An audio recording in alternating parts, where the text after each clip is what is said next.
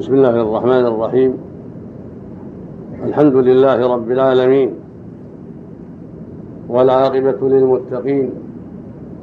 والصلاة والسلام على عبده ورسوله وصفوته من خلقه وأمينه على وحيه. نبينا وإمامنا وسيدنا محمد بن عبد الله. خير معلم وأكبر إمام. وعلى آله وأصحابه ومن سلك سبيله واهتدى بهداه إلى يوم الدين.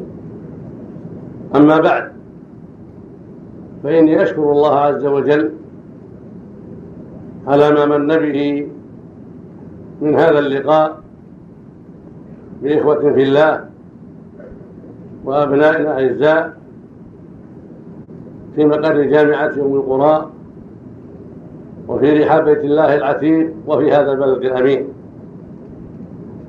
أسأل الله أن يجعله لقاء مباركا وأن يصلح قلوبنا وأعمالنا جميعا وأن يمنحنا وإياكم جميعا الفقه في دينه والثبات عليه. وأن ينصر دينه ويعلي كلمته ويصلح أحوال المسلمين في كل مكان. ويمنحهم العلم النافع والعمل الصالح ويولي عليهم خيارهم. إنه جل وعلا جواد كريم. أيها الإخوة في الله أيها الأبناء لا يخفى أن طلب العلم من أهم الفرائض ومن أفضل القربات. وأن الناس بدون أهل العلم لا يعرفون معروفا ولا ينكرون منكرا. بل هم أشباه الأنعام. إلا إذا استضاءوا بنور الله وتعلموا شريعة الله وساد بينهم دعاة الهدى وعلماء الحق وبذلوا لهم التعليم والتوجيه والنصيحة.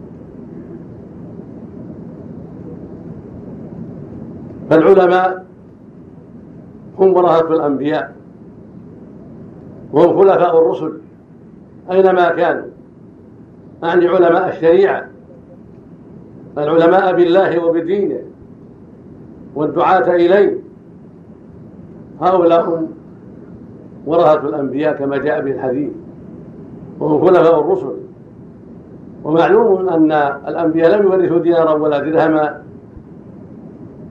وإنما ورثوا العلم. كما قال عليه الصلاة والسلام نحن معاشر الأنبياء لا نورث ما تركنا صدقة. فما تركوه من الأموال فهو صدقة تصرف في وجوه الخير وفي سبل الخير. يتولاها من يتولى أمر المسلمين بعد الرسل عليهم الصلاة والسلام. وإنما ورثوا العلم بالله وبدينه. وعلى رأسهم أفضلهم وإمامهم وخاتمهم نبينا وإمامنا وسيدنا محمد بن عبد الله عليه من ربه أفضل الصلاة والتسليم. ومن أجل فضل العلم وما يترتب عليه من الخير العظيم رأيت أن تكون كلمتي معكم بعنوان خلق طالب العلم. لأن أخلاق أهل العلم هي أفضل الأخلاق. وهي الأخلاق التي ورثها لهم الرسل عليهم الصلاة والسلام ودعوا إليها. وهي نابعة من علمهم بالله وعلمهم بشريعته وعلمهم بحقه وحق عباده. فلهذا كانت أخلاقهم أفضل الأخلاق وأعمالهم أفضل الأعمال وسيرتهم أحسن السير. لكونهم تلقوها عن نبيهم محمد عليه الصلاة والسلام. وهكذا أتباع الرسل في كل زمان. هم خلاصة أهل الوجود. هم أعيان بني الإنسان. لعلمهم وفضلهم واستقامتهم وصلاحهم وخشيتهم لله وقيامهم بأداء حق الله وحق عباده كما ورثوه عن الرسل عليهم الصلاة والسلام. فالعلماء هم الذين يخشون الله حق الخشيه وطالب العلم كلما زاد علمه بالله وزادت بصيرته زادت خشيته لله وزاد إيمانه وزاد التقوى وزاد أخذه بالأخلاق الفاضلة والأعمال الصالحة وزاد ابتعاده عن كل خلق ذميم.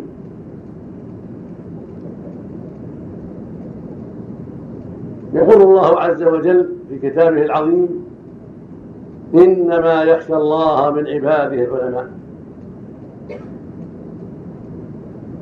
المعنى إنما يخشى الله حق الخشية وكمال الخشية العلماء.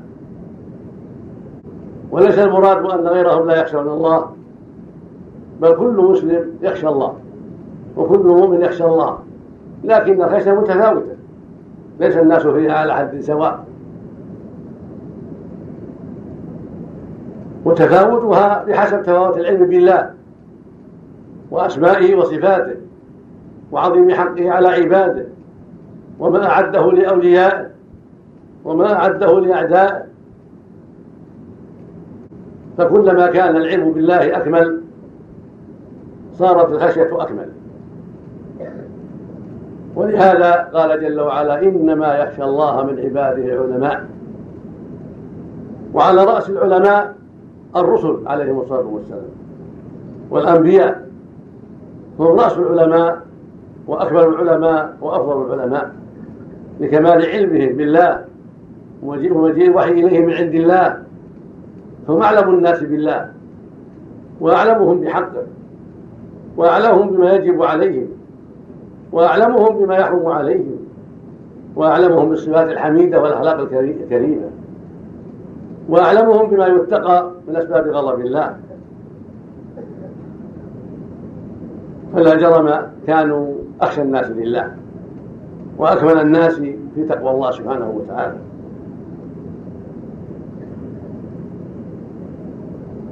ولما سأل بعض الصحابة النبي صلى الله عليه وسلم عن بعض أعماله وأخبرهم بها وسأل بعضهم أزواج النبي صلى الله عليه وسلم بعض أعماله فأخبر فأخبرناهم بها. قال بعضهم لسنا مثلك يا رسول الله إنك مغفور لك ما تقدم من وما تأخر. قال عليه الصلاة والسلام أما والله إني لأخشاكم لله وأتقاكم أما والله إني لأخشاكم لله وأتقاكم له بين أن كونه مغفورا له كونه أفضل الخلق كونه خير عباد الله لا يمنعه من أن يخشى الله. بل ذلك يوجب عليه أن تكون خشيته لله أكمل من غيره وأفضل من غيره. كما قال بعض السلف من كان بالله يعرف كان منه أخبر فالرسول فالرسول عليه الصلاة والسلام يبين لنا أن خشية الله تكون على حسب العلم بالله. ولهذا قال عليه الصلاة والسلام أما والله إني لأخشاكم لله وأتقاكم له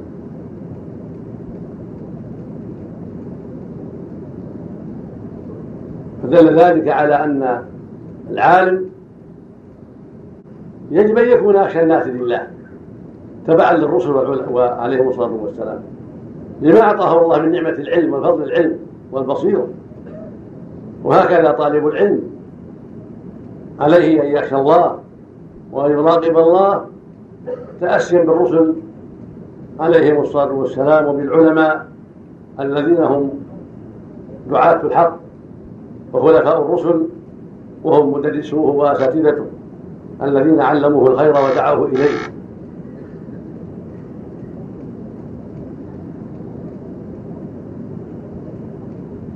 ومن أجل هذا ثبت عن الرسول صلى الله عليه وسلم في الصحيحين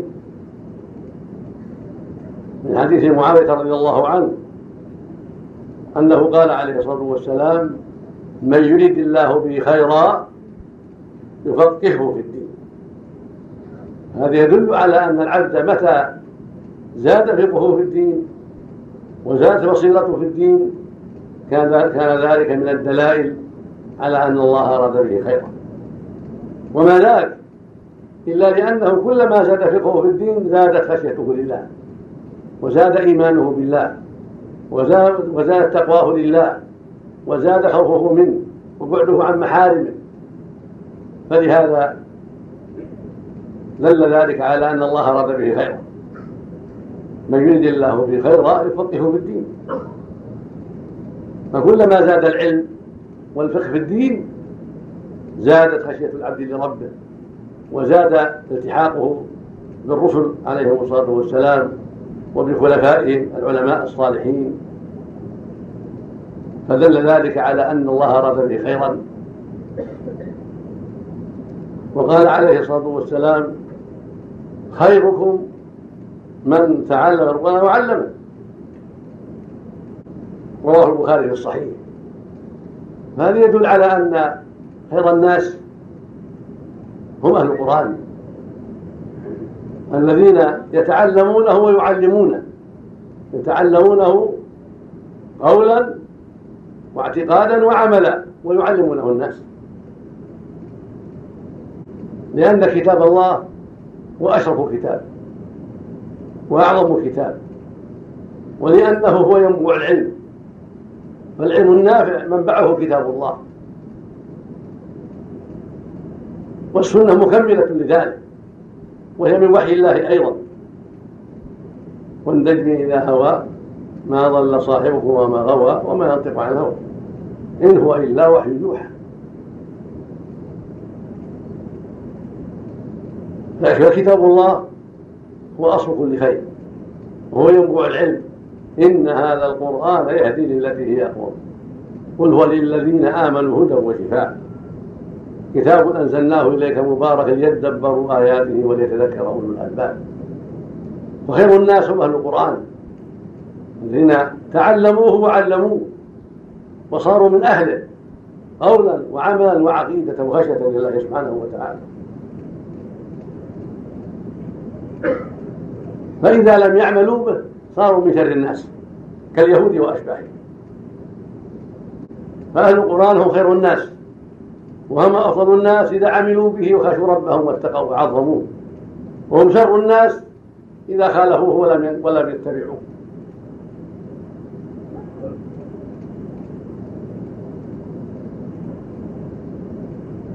وقد شرح الله سبحانه صفات أهل العلم وطلاب العلم في كتابه العظيم في مواضع كثيرة. ومن أجمعها قوله جل وعلا في سورة الرعد أفمن يعلم أن ما أنزل من ربك الحق كمن هو أعمى؟ إنما يتذكر أولو الألباب. يعني لا يستوي هؤلاء وهؤلاء لا يستوي أهل العلم بأن ما أنزله الله هو الحق ولا يستوي مع الأعمى الذي لا يدري ولا يعرف. الذي يعلم أن ما أنزله الله على نبيه هو الحق وهو الهدى وهو الصلاح لا يستوي مع من عمي عن هذا ولم يعرف ذلك. ثم قال بعد إنما يتذكر أولو الألباب. فدل على أن أهل العلم هم أولو الألباب. والألباب هي العقول السليمة جمع لب واللب والعقل الصحيح الذي يميز بين الشر والخير والضار والنافع والطيب والخبيث والهدى والضلال.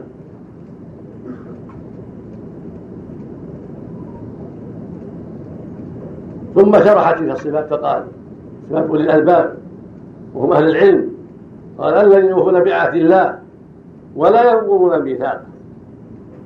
يوفون بعهد الله الذي عهد إليهم وما أوصاهم به وأمرهم به من اتباع كتابه وسنة نبيه عليه الصلاة والسلام من أداء الفرائض وترك المحارم والوقوف عند الحدود كما قال في الله الأخرى وأوفوا بعهد أوفوا بعهد. فعهد الله إلينا ما بعث به نبيه صلى الله عليه وسلم. وما دل عليه كتابه من الأوامر والنواهي والوصايا. فأهل العلم هم الذين يوفون بهذا العهد. ولا ينقضون الميثاق بل يؤدون الحقوق ولا ينقضون العهد ولا ينقضون الميثاق لكمال إيمانهم وكمال علمهم. بخلاف أهل الجهل. فإنه يسهل عليهم نقض الميثاق لعدم البصيرة والعلم ولا يؤدون العهود كما ينبغي لجهلهم وعدم بصيرتهم. والذين يصلون ما أمر الله به أن يوصل كذلك من صفاتهم. هم يصلون ما أمر الله به أن يوصل من الإيمان بالله ورسله جميعا وعلى رأسهم خاتمهم نبينا محمد عليه الصلاة والسلام. والإيمان بملائكة الله وكتب الله ورسل الله واليوم الآخر وبقدر خيره وشره. ويؤمن بكل ما أخبر الله به ورسوله. لا يفرق بين ذلك لا بين الرسل ولا بين ما أخبر الله به وأمر بالإيمان به. بل يؤمن بالجميع ويصل ما أمر الله به أن يوصل. وهكذا يصلون الأرحام ويبرون الوالدين ولا يقطعون الأرحام ولا يعقون الوالدين. بل يصلون ما أمر الله به أن يوصل.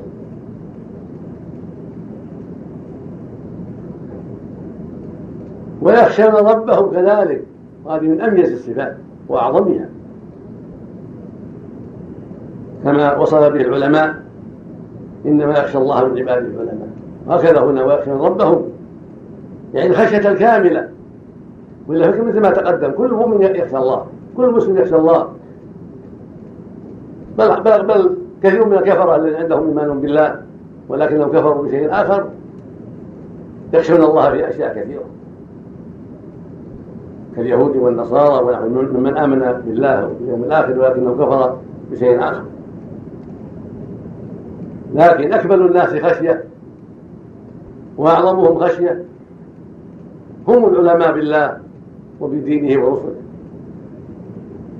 فطالب العلم عليه يكون من هذا الجيل ومن هذا الصنف. يلتحق بأهل العلم لأنه سائر عن طريقهم على سبيلهم بعد يتخلق بأخلاقهم. وعليه أن يتعلم مثل ما تعلموا.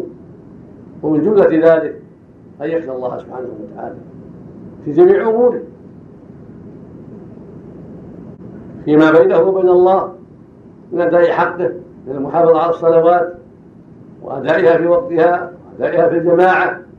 ليس مثل العامة هم يتدابر ويتأثر أداء الزكاة صيام رمضان مع حفظه وصيانته. الحج كما شرع الله بر الوالدين كما شرع الله صلاة الرحم صدق الحديث أداء الأمانة حفظ اللسان عما لا ينبغي إلى غير هذا من الأخلاق. أخلاق أهل العلم أخلاق المؤمن. والعلماء هم هم خلاصة المؤمنين. هم خواص المؤمنين. وعلى رأسهم الرسل عليهم الصلاة والسلام. فمن صفاتهم أنهم يخشون ربهم. يعني خشية الكاملة التي تمنعهم من محارم الله. وتمنعهم من التساهل بحق الله. وتمنعهم من ركوب محارم الله. وتمنعهم من كتمان العلم. هكذا العلماء.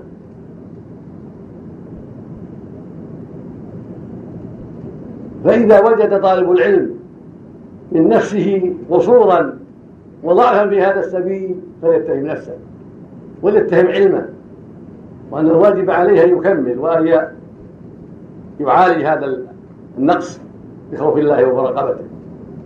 حتى يؤدي الواجب من حق الله وحق عباده وحق والديه وحق قراباته وحق جيرانه وحق أستاذه وحق زميله إلى غير ذلك.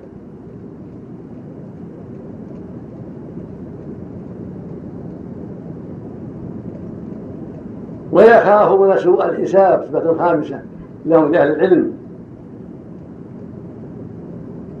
هذا من كمال إيمانهم. على بالهم يوم القيامة.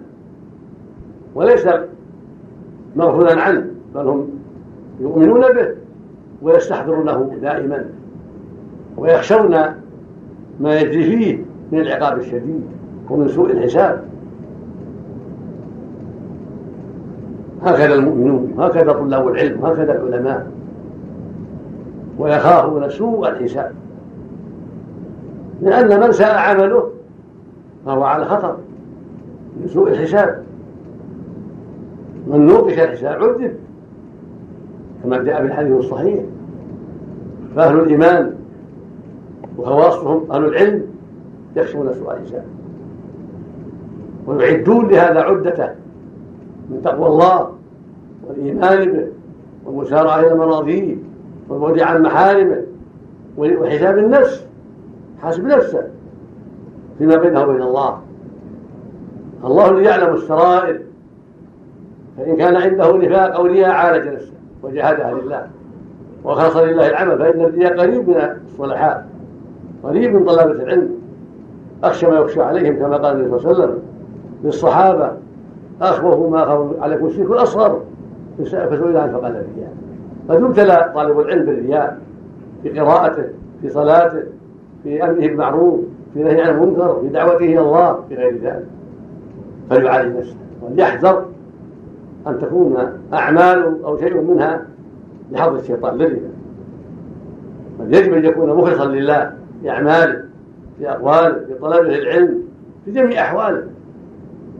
هكذا فيما بينه وبين الله من بره والديه وصلته لأرحامه وصلاحه في بيته واستقامته في بيته وبعده عما حرم الله في بيته. فإن الله يراه الذي يراك حين تقوم وتقلبك في الساجدين. ألم ألم يعلم بأن الله يراه ويقول سبحانه وما تكون بشأن وما تتم من القرآن ولا تعملون عمل إلا كنا عليكم شهودا لتخبرون فيه. فالله يطلع على كل شيء. سبحانه وهو العالم بأحوال العبادة أينما كانوا وهكذا جميع المعاصي يحذرها طالب العلم كما يحذرها المؤمن أينما كان. ولكن ولكن طالب العلم نسبة خاصة عليه يحذر أكثر. لأنه يعني يقتدى به يتأسى بزميله يتأسى بأهل بيته يتأسى به الآخرون كل ما زاد علمه زاد التأسي بالشر والخير. فيجب الحذر. ويبتعد عن شرب المسكرات والمخدرات التدخين حلق اللحية تقصيرها إطالة الشوارب إسبال الملابس كل هذه بلايا يبتلى بها الناس. فليحذر طالب العلم أشد من حذر غيره. يكون بعيدا عما حرم الله من جميع الوجوه حذرا أينما كان. تكون ملابسه على الوجه الشرعي مظهره على الوجه الشرعي في بيته على الوجه الشرعي مع الناس على الوجه الشرعي حتى يتأسى لا إسبال ولا تعرض لمظهره الشرعي من لحية وغيرها بل يوفر لحيته ويكرمها ويرخيها ويقص شاربه ويرفع ثيابه فوق الكعب إلى غير ذلك من الآداب الشرعية. يصل أرحامه يبر والديه يفشي السلام يرد السلام لا يتكبر. يتواضع لزميله في المذاكرة وفي غيرها وإن كان زميله دونه في الفهم ولكنه يتواضع ويحمد ربه أن الله أعطاه مزيدا من الفهم. لا يتكبر ولا يعجب. بل يحمد ربه على ذلك ويشكره ويستعمل ذلك في نفع نفسه ونفع إخوانه وزملائه. من دون تكبر ولا تعالي عليهم وهكذا بقية الأمور. وهذا كله داخل في قوله ويخشى ربهم ويخافون سوء الحساب. يعني التكبر وتعاطي المعاصي كل هذا وسيلة إلى سوء الحساب. وتقوى الله والاستقامة على أمره والبعد عن محارمه من وسائل السلامة والعافية من سوء الحساب. وصفة وصفة سادسة والذين صبروا ابتغاء وجه ربهم. صبروا على أعمال الخير لا رياء ولا سمعة ولا لمقصد آخر رديء ولكن ابتغاء وجه ربهم. صبروا على طاعة الله. صبروا عن محارم الله. صبروا في طلب العلم.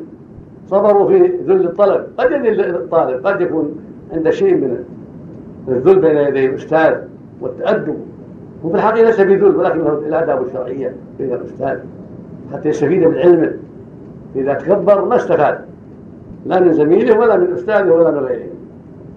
يقول مجاهد رحمة الله عليه التابعي الجليل لا يتعلم العلم مستحي ولا مستكبر هكذا ذكر البخاري رحمه الله معلقا مكذوبا لا يتعلم العلم مستحي ولا مستكبر طالب العلم يكون متواضعا ويصبر على ذل الطلب وعلى التواضع بين الأستاذ وبين من يحتاج إلى سؤاله من أهل العلم. وهكذا في جميع الأمور التي يحتاج إليها كمراجعة الكتب واستعارة الكتاب وغير هذا ما يحتاج إليه. والمذاكرة مع زميله وما أشبه ذلك مما قد يحتاج له يكون عنده تواضع وعنده تحمل وصبر. ابتغاء وجه الله. لا لأقل غرض آخر. يصبر يصبر ابتغاء وجه الله. يرجو ما عند الله من المثوبة. يريد العلم يريد الفائدة.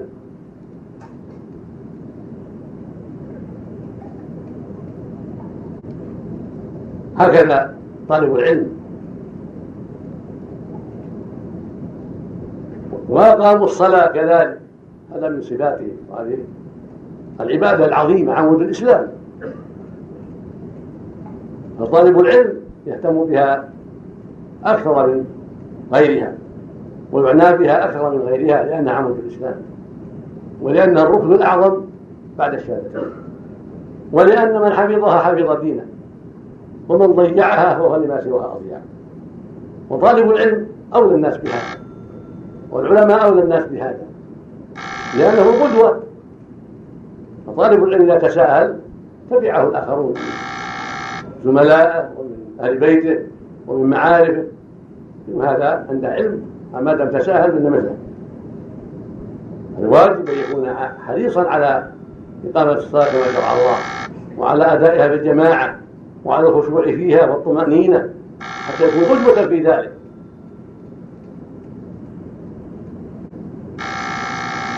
وانفقوا مما رزقوا سرا وعلانية.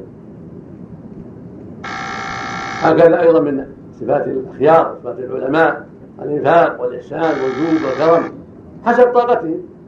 فاتقوا الله ما استطعتم. كما قال عز وجل في أهل العلم والإيمان تتجافى جنوبهم عن المضاجع يدعون ربهم خوفا وطمعا ومما رزقناهم ينفقون وقال في أول سورة البقرة ذلك كتاب الله ريب هدى للمتقين.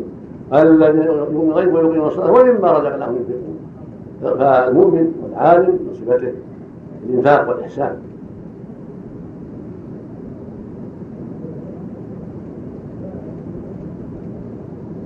والنبي صلى الله عليه وسلم يقول عليه الصلاة والسلام الحديث الصحيح ما يسرني أن لي مثل أحد ذهبا تمر علي ثلاثة أيام وعندي منه دينار.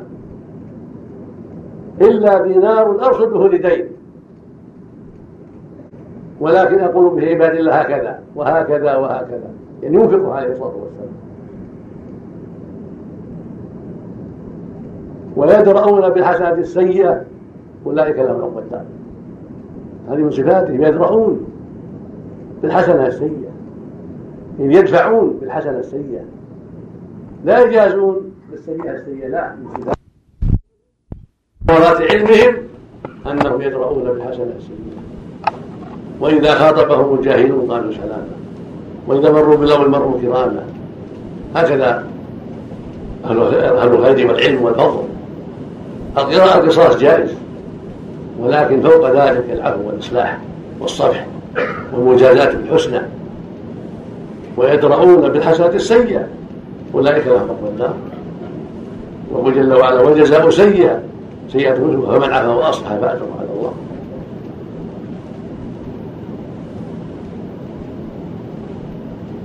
فوعدهم بعقبى الدار وهي الجنة لأعمالهم العظيمة وصفاتهم الحميدة وأخبرهم أن أن الله يجمعهم بأهل بمن صلح من آبائهم وأزواجهم وذريتهم بالجنة جنات وأن يدخلونها ومن صلح من آبائهم وأزواجهم وذريتهم.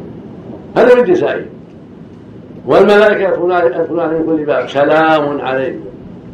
بما صبرتم فنعم عقبى الدار. هكذا تقول له الملائكة. الله ينعم عليهم بدخول الجنة والنجاة من النار بأعمالهم العظيمة بأسباب أعمالهم والمعول على فضله ورحمته سبحانه وتعالى. لا يدخلها بأعمالهم لكن بسبب أعمالهم لكن معول على فضله سبحانه ورحمته جل وعلا كما قال في الحديث الصحيح كما قال المصطفى عليه الصلاة والسلام في الحديث الصحيح واعلموا أنه لا يدخل الجنة أحد منكم بعمله قالوا ولا أنت يا رسول قال ولا أنا إلا أن يتغمدني الله برحمة منه وفضل. فالجنة أسبابها الأعمال الصالحات والمعول فيها على رحمة الله وعفوه وفضله سبحانه وتعالى. جنات وعدة ومن صلح من آبائهم وأزواجهم وذرياتهم. هكذا هكذا. أهل العلم والإيمان والتقوى. والاستقامة الذين ذكر الله صفاتهم يدخل يدخلهم الجنة جل وعلا. لهم عقبى الدار وهي الجنة. ومن صلح من آبائهم وأزواجهم وذريتهم.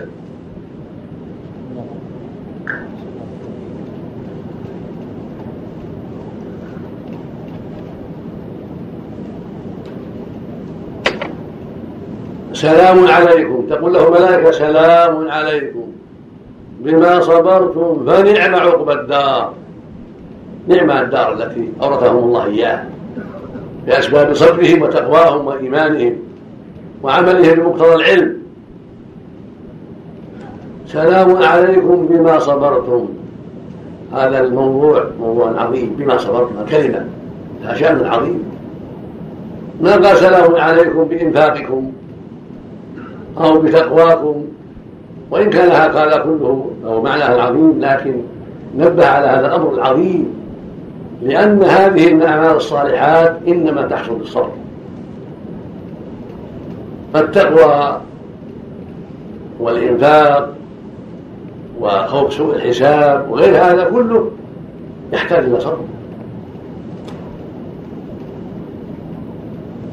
سلام عليكم بما صبرتم. فهم بسبب إيمانهم.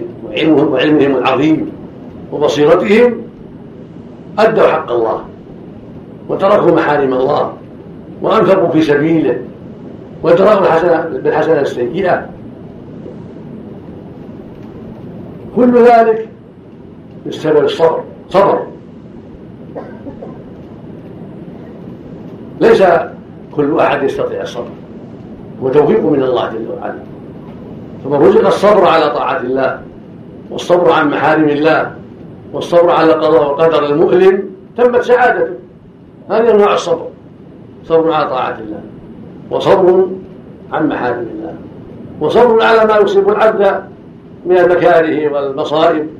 يصبر على ذلك صبرا يمنعه من الجزع ويمنعه من تعاطي ما حرم الله عليه ولكنه لا يمنعه من تعاطي الأسباب المباحة والمشروعة من العلاج وغيره وفي هذا المعنى يقول سبحانه في آيات أخرى. إني جزيتهم اليوم بما صبروا أنهم هم الفائزون. قال بما صبروا. وقال جل وعلا وجزاهم بما صبروا جنة وحريرا. وفي آية قال لما ذكر صفات عباد الرحمن قال بعد ذلك في آخرها أولئك يجزون الغرفة بما صبروا. ويلقون فيها تحية وسلام. هذا يدلنا على عظم شأن الصبر وأن أهل العلم وطلاب العلم أولى الناس بهذا.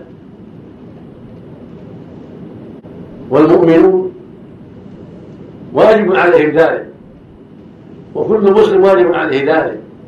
لكن أهل العلم وطلاب العلم أولى بأن يبرزوا غيرهم في هذا الأمر ويسبقوا غيرهم ويمتازوا فيه بأحسن المراتب وعلى المراتب.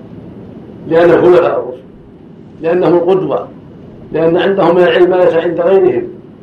فهم أولى الناس بأن يسابقوا إلى كل خير وبأن يحذروا كل شر وبأن يقفوا عند حدود عند حدود الله وأن يستروا على ذلك. وقال في آيات أخرى قل هل يستوي الذين يعلمون؟ والذين لا يعلمون؟ ما يستوي. ثم قال بعد إنما يتذكر أولو الألباب هذا بلاغ للناس ولينذروا وليعلموا أن ما هو إله واحد وليذكر أولو الألباب. أولو الألباب من هم؟ أهل العلم. هم العلماء وطلاب العلم على الكمال. وكل مؤمن له نصيبه من هذا ولكن أهل العلم فوق غيرهم في ذلك ولهذا لكمال لبهم وصحة لبهم وإيثاره ما يبقى على ما يفنى سبق غيره إلى هذه الخصال الحميدة وتخلق بها لما أعطاه الله من العلم والبصيرة حتى آثر هذه الأخلاق على ما سواه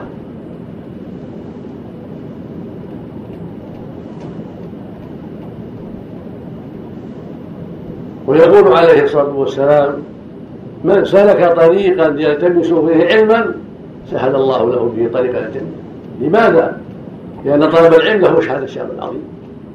لأن طلب العلم يفضي به إلى أفضل المراتب وخير المراتب إلى التأسي بالرسل عليهم الصلاة والسلام إلى أن يكون خليفة في الأرض بعد الرسل بتعليم الدين وتوجيه الناس إلى الخير وتحذيرهم من الشر. فصار طلب العلم في جميع وسائله طرق الجنة. لمن أخلص النية لله. لمن صدق وأخلص النية فرحلته بطلب العلم من وسائل الجنة. ومجيئه إلى الجامعة وإلى المسجد إلى العلم وإلى حلقات العلم. من طرق الجنة. كتابته للعلم وتحفظه للعلم كذلك. المذاكرة كذلك. كلها طرق. فجدير بطالب العلم أن يعرف هذا المعنى وأن يفرح به وأن يعرض عليه بالنواجذ وأن يحمد الله على ذلك. وفي الصحيحين عن أبي موسى رضي الله عنه عن النبي عليه الصلاة والسلام أنه قال إن مثل ما بعثني الله به من الهدى والعلم كمثل غيث أصاب أرضا فكانت منها نقية فلولاها طائفه نقية. وفلاها طائفة طيبة قبلت الماء فأنبتت الكلاء والعشب هذا نوع منها هذه طائفة. وكانت منها أجادب يعني أراغم خفضة أمسكت الماء فدفعها الله به الناس فشربوا وسقوا وزرعوا. وأصاب طائفة أخرى يعني ثالثة. إنما هي قيعان لا تمسك ماء ولا تنبت كلعا. فذلك مثل من فقه في دين الله. ونفعه ما بعثني الله به. فعلم وعلم. ومثل من لم يرفع بذلك رأسا ولم يقبل هدى الله الذي أرسلته. هذا الحديث العظيم الجليل. في بيان أهل العلم ومراتبهم ومراتب الناس معهم. فأهل العلم هم مثلهم الأرض الأولى والأرض الثانية. وعامة الناس الذين لا ينفعون مثلهم الأرض الثالثة القيعان التي لا تمسك ماء ولا تنبت كلاء فلا خير فيها. لا تنبت ولا تمسك. أما الأرض الأولى فهي طيبة. تمسك وتنبت. نفعها الماء فأنبتت الكلى والعشب الكثير. وهذا مثل العلماء الفقهاء أهل البصائر من الصحابة ومن بعدهم الذين علموا الناس وحملوا العلم وفقهوا الناس. رحمة الله عليهم. والطائفة الثانية مثل أهل العلم الذين غلب عليهم الحفظ ونقل العلم وتبصر الناس لكن ليس لهم ما للأولين من الفقه فيه وتفجير ينابيعه واستنباط أحكامه فصاروا دون الأولين لكنهم حفظوا. كالأرض الطيب الأجادب التي أمسكت الماء فنفع الله به الناس فشربوا وسقوا وتراوا هؤلاء نقلوا العلم ونقلوا الأحاديث فنفع الله بهم الناس. واستفادوا من علمهم وما نقلوه وما حفظوه واستنبطوا منه. ما لم يستنبطوا أولئك. والعلماء بهذا بهذه الصفة قسمان. قسم نقلوا الأخبار والأحاديث وحفظوا القرآن واستنبطوا الأحكام وتفقهوا بذلك فعلموا وعلموا ونفع الله بهم علما وعملا. وقسم ثاني غلب عليهم الحفظ والنقل لا التفقه والاستنباط فصار نفعهم أقل من الطائفة الأولى.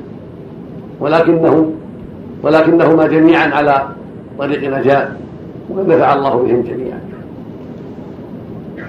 فليكن طالب العلم من هذه من هاتين الطائفتين وليحرص أن يكون من الأولى لانها أكمل. ليحرص على الحفظ والفقه والعمل والتعليم والتوجيه والإنشاد والصبر. ولا يحقن نفسه ويقول هذا لغيري. أن يعلم مما علمه الله. بشرط أن يكون على بصيرة. وهذه إلى الله على بصيرة.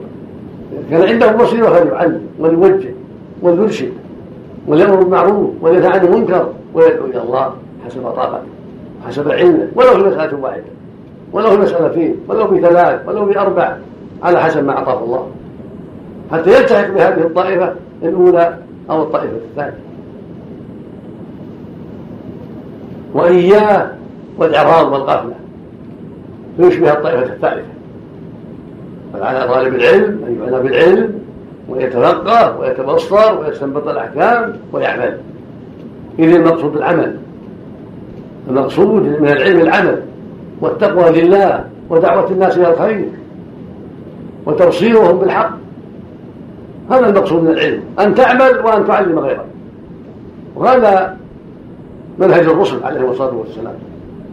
يعلمون ويعلمون بالقول والعمل.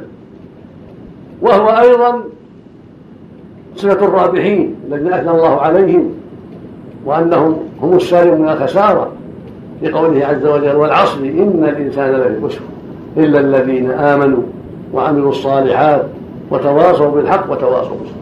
هؤلاء هم الكمل. آمنوا بالله ورسوله وتفقهوا بالدين وعملوا الصالحات وتواصوا بالحق وتواصوا بالصبر. هؤلاء هم الرابحون هم الكمل. فعلى طالب العلم أن يحرص أن يكون من هؤلاء. وألا يبخل بالعلم. وألا يتساهل. بل يكون عاملا بالعلم داعيا إلى الله عز وجل موجها للناس للخير وهذا من العمل. فالدعوة إلى الله من العمل. والامر بالمعروف من العمل. كل هذا من العمل. يكون يدعو إلى الله يعلم من في بيته من حوله يرشدهم بالكلام الطيب بالحكمة بالأسلوب الحسن يأمرهم بالمعروف ينهاهم عن المنكر هذا كله من العمل كله من العمل بالعلم. وادعو إلى سبيل ربك بالحكمه وفي الحسنة وجاهدهم بالله هذا وأسأل الله عز وجل بأسمائه الحسنى وصفاته العلى أن يمنحنا وإياكم العلم النافع والعمل الصالح وأن يصلح قلوبنا وعملنا جميعا وأن يعيدنا وإياكم من شرور أنفسنا ومن سيئات أعمالنا وأن يوفقنا جميعا للفقه في دينه. والثبات عليه والصبر عليه والتناصح في ذلك والتواصي بذلك وأن ينصر دينه ويعلي كلمته وأن يوفق المسلمين جميعا في كل مكان لما فيه رضاه وأن يوزع عليهم خيارهم ويصلح قادتهم. كما اسال سبحانه يوفق ولاة امرنا لكل خير وأن يرزقهم الاستقامة وأن يجزيهم عن إحسانهم إلى عباد الله بانشاء هذه الجامعة وغيرها من الجامعات ومساعدتهم للمسلمين في كل مكان نسأل الله أن يجزيهم عن ذلك خيرا وأن يزيدهم خيرا وأن يوفقهم لكل ما فيه رضاه ولكل ما فيه صلاح العباد والبلاد. ولا يفوتني أيضا أن أشكر لإخواني القائمين على هذه الجامعة وعلى رأسهم الأخ الفاضل الدكتور راشد الراجع على دعوتهم لي وعلى ما يقوم به من وعلى ما يقوم به من جهود وأعمال طيبة في صالح هذه الجامعة وصالح طلابها وصالح المسلمين. وأن يزيدهم خيرا ويبارك في جهودهم ويمنحنا وإياهم الصدق والإخلاص. إنه سميع قريب. وصلى الله وسلم على نبينا محمد وعلى آله وأصحابه وأتباعه بإحسان.